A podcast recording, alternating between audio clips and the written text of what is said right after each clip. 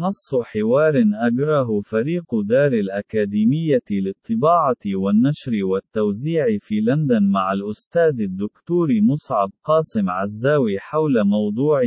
المعجزة اليابانية. فريق دار الأكاديمية ما هو برأيك سبب المعجزة الاقتصادية اليابانية؟ مصعب قاسم عزاوي أعتقد بأن مسمى المعجزة اليابانية مصطلح يحتاج إعادة النظر به لعدم صلاحيته معرفيا منظورا إليه من منظار علمي تاريخي يرى ظواهر التاريخ كتعاقب متسلسل لأسباب ونتائج تتمخض عنها.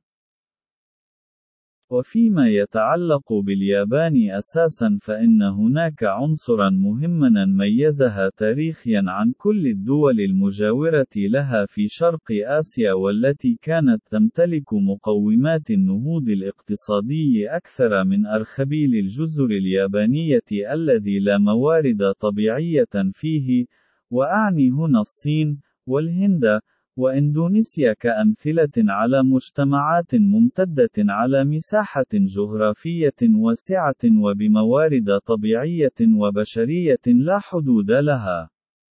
وذلك العنصر التاريخي يتمثل أساسا في أن اليابان هي المجتمع الوحيد الذي لم يتم احتلاله على طريقة الاستعمار البربري الاستيطاني الذي قام به الغزاة الأوروبيون من برتغال وهولنديين وفرنسيين وإنجليز في شرق آسيا. وذلك العنصر التاريخي هو الفارق الذي يتم تجاهله في الكثير من الأدبيات التي تنظر إلى ظاهرة التفوق الاقتصادي في اليابان، على أنها ظاهرة معزولة عن جذورها التاريخية، وخاصة فيما يرتبط بأنها المجتمع الوحيد الذي لم يتم احتلاله من قبل الأوروبيين في منطقة شرق القارة الآسيوية. والعنصر التاريخي الثاني الذي لا بد من استحضاره يتمثل في النهج الذي تم تبنيه في اليابان في منتصف القرن التاسع عشر، وتمثل في اعتماد نهج التحول إلى مجتمع صناعي جوهر عملية إنتاج الثروة فيه يتمثل بتصنيع المواد الأولية، وليس استخراجها من بواطن الأرض تنقيبا أو من سطوحها زرعا وحصدا فقط، وبالتالي الاستحواذ على كل القيمة الفائضة عن عملية التصنيع، والتي تفوق كثيرا قيمة المواد الأولية الرخيصة سواء في السوق المحلية أو العالمية.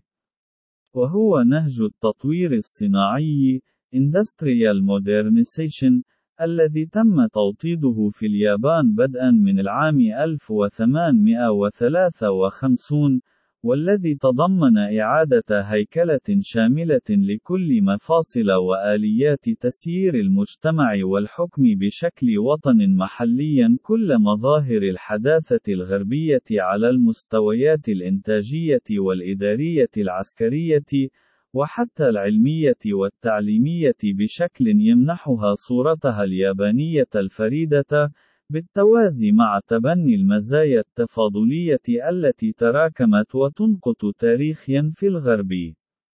وكان آخر الاستجلابات التي رأى اليابانيون ضرورة أخذها من الغرب وتقليدهم فيها هو التحول إلى دولة إمبريالية استعمارية على الطريقة الوحشية البربرية الغربية، وخاصة في ضوء حاجة اليابان إلى الموارد الأولية التي كان لا بد من الاستحصال عليها في سياق تطورها التصنيعي، خاصة وأن اليابان من الناحية الجيولوجية تفتقر إلى جل الموارد الأولية الطبيعية في أرضها البركانية الجبلية. وأفصحت الإمبريالية اليابانية عن وجهها القبيح في مفاصل متعددة منذ منتصف القرن التاسع عشر مع حكومة ميجي، وهو ما ظهر بجلاء منقطع النظير لأول مرة في الحرب مع الصينيين في العام 1894 حول اقتسام النفوذ على كوريا، وهو ما تجلى بانتصار ماحق لليابانيين على الصين الصينيين، تلاه ووطده انتصار اليابانيين على الجيش القيصري الروسي في العام 1904 في الحرب الروسية اليابانية، والتي كانت أيضا حول النفوذ في شبه الجزيرة الكورية، والتي تمخضت أيضا عن انتصار ياباني ساحق أفضى إلى قبول اليابان في نادي الدول الإمبريالية، والذي كان مقدمة لتوسعها إمبرياليا إبان الحرب العالمية الأولى التي دخلت فيها في فريق دول الحلفاء ضد ألمانيا، وكان بنتيجتها مد نفوذها وإحكام سيطرتها على إقليم منشوريا الصيني في العام 1915 والذي كان فعليا يمثل مركز الهيمنة المطلقة على كل الاقتصاد الصيني وموارده الطبيعية والبشرية التي لا حدود لها والتي لم يتقاعس الإمبرياليون اليابانيون عن استغلالها بشكل متوحش لا يقل عن بربرية أقرانهم الغزاة الأوروبيين في غير موضع من أرجاء الأرضين آنذاك وهو ما تكلل إبان الحرب العالمية الثانية بسيطرة يابانية شبه مطلقة على كل شرق القارة الآسيوية باستثناء شبه القارة الهندية التي ظلت من حصة المستعمرين البريطانيين.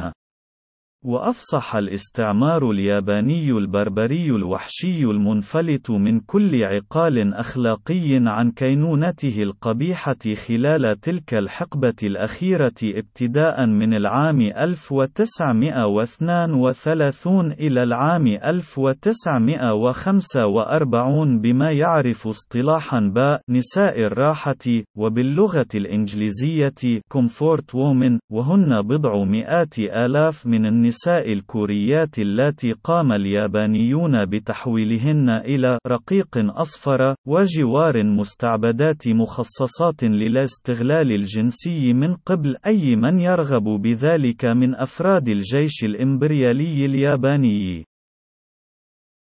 وتلك الثروات المهولة التي قام اليابانيون بنهبها من مجتمعات المستعمرات التي هيمنوا عليها في شرق القارة الآسيوية مكنتهم من تطوير أرضية تصنيعية متقدمة، ومن مراكمة العنصر الأكثر أهمية في عملية تطور اليابان اللاحق، وأعني هنا الخبرات البشرية والمعارف الضرورية لأجل تحقيق تطور تطور تصنيعي لافت للنظر في مرحلة ما بعد الحرب العالمية الثانية التي أرغم اليابانيون على الاستسلام فيها بقوة السلاح النووي فقط في شهر أغسطس من العام 1945 وهم الذين ظلوا يحاربون دول الحلفاء لشهور طويلة بعد سقوط النظام النازي في ألمانيا وخسارته للحرب العالمية العالمية الثانية في شهر أبريل من العام 1945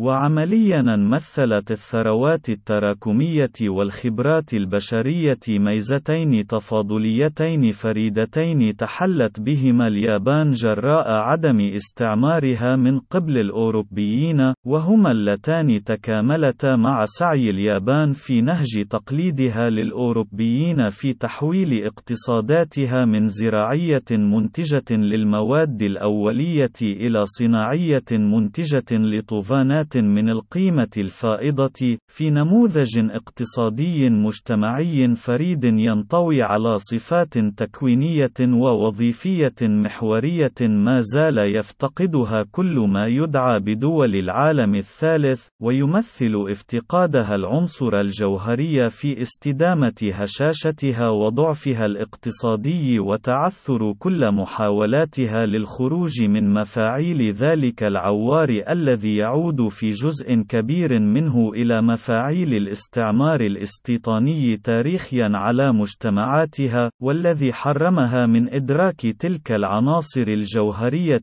التي لا بد منها لتحقيق أي عملية نهوض اقتصادي ملموس في أي مجتمع على وجه البسيطة.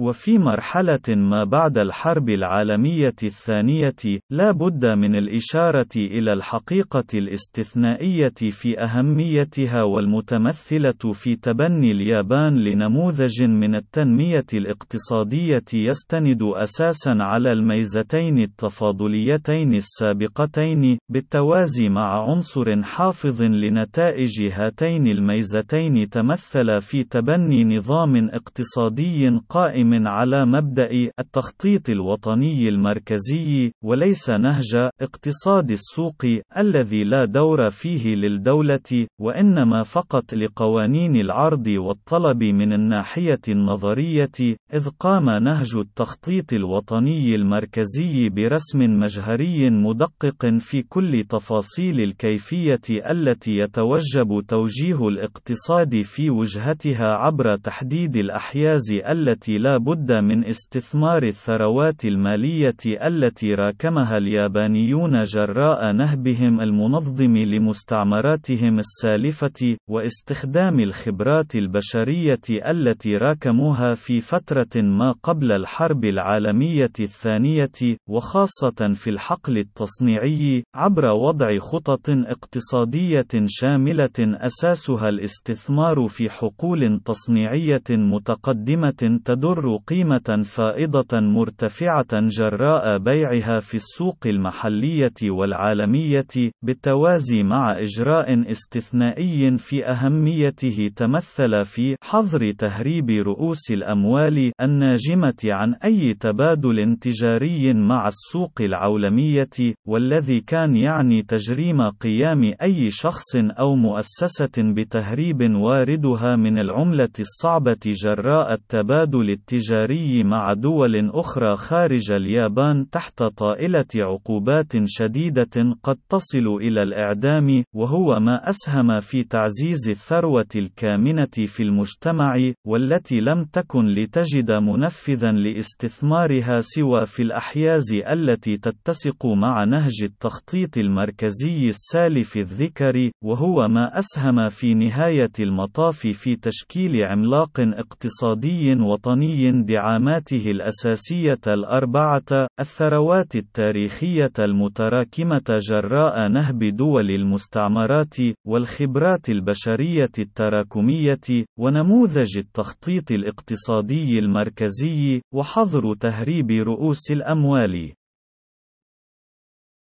وجدير بالذكر أن حرية تبادل رؤوس الأموال في اليابان لم يتم السماح بها إلا مؤخرا منذ خواتيم ثمانينيات القرن العشرين بعد أن أصبحت معدلات الثروة فائضة في داخل الاقتصاد الياباني إلى درجة فائقة، بالتوازي مع قدرات تصنيعية نوعية يصعب على جل دول العالم اللحاق بها، وهو ما سوف يضمن تدفق القيمة الفائضة إلى المجتمع الياباني في قابل الأيام، حتى لو خرجت منه نظريا لبعض الوقت ودارت في اقتصادات أخرى خارجه ليعود إليه خراجها بشكل أو بآخر في المؤال الأخير.